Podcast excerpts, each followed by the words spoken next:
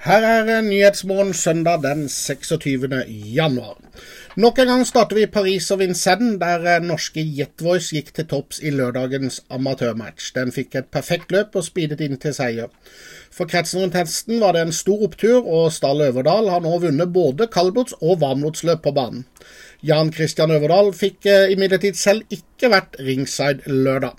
Jeg sitter på travfest på Klosterskogen og fulgte løpet på storskjerm, sier han, kjempefornøyd.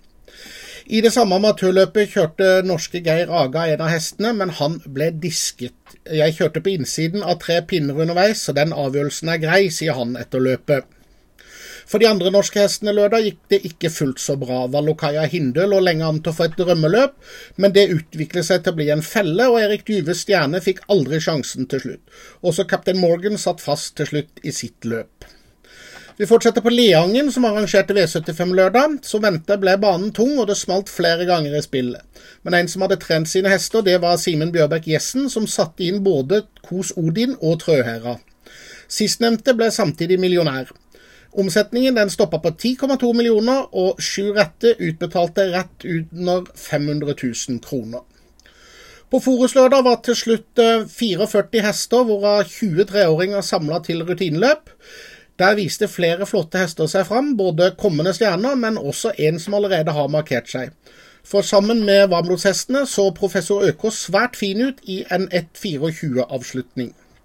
Nå satser vi på å starte under V75-en på hjemmebane 8.2, sier trener Kjetil Djøsland. Svein Morten Bure i DNT ga um, lørdag UET beskjed om at Hans Petter Tolsens minneløp ikke lenger skal være et såkalt gruppe 2-løp. DNT har nemlig ikke penger til premien. Den europeiske travunionen har krav til premier i sine såkalte gruppeløp, og med 200 000 kroner i første var minneløpet etter Hans Petter Tolfsen et såkalt gruppe 2-løp. Eh, med eh, avgjørelsen og om kutt i premien forsvinner statusen. Vi bringer senere i dag et intervju med en fortvil Øystein Dale på Jarlsberg travbane rundt denne saken. På sin generalforsamling lørdag vedtok for øvrig UET å gå inn for en felles europeisk dataløsning. Etter planen skal de første landene kunne koble seg opp på en felles sportsbase allerede til sommeren. Det norske datasystemet er mer enn moden for utskiftninger, og sammen med Danmark og Sverige er vi et av landene som skal først ut. I ettermiddag kjøres, eh, som alle vet, Prix d'Amérique, og i et stort intervju på Trav 365 i formiddag setter eier Kolbjørn Selmer ord på følelsene før storløpet.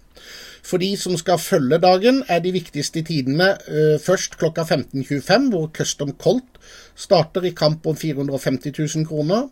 Så 16.10, hvor Looking Superb starter i Prix d'Amérique og kjemper om 4 millioner. 16.50 kommer Hard Times uh, til start i et løp med 360 000 til vinneren. Topphoppa Kalina starter klokka 17.17. 17. Her er det 160 000 til vinneren, mens Rorgemoen-duoen Custom Cheval og Custom Carrera avslutter dagen i et løp med 260 000 kroner til vinneren klokka 17.47.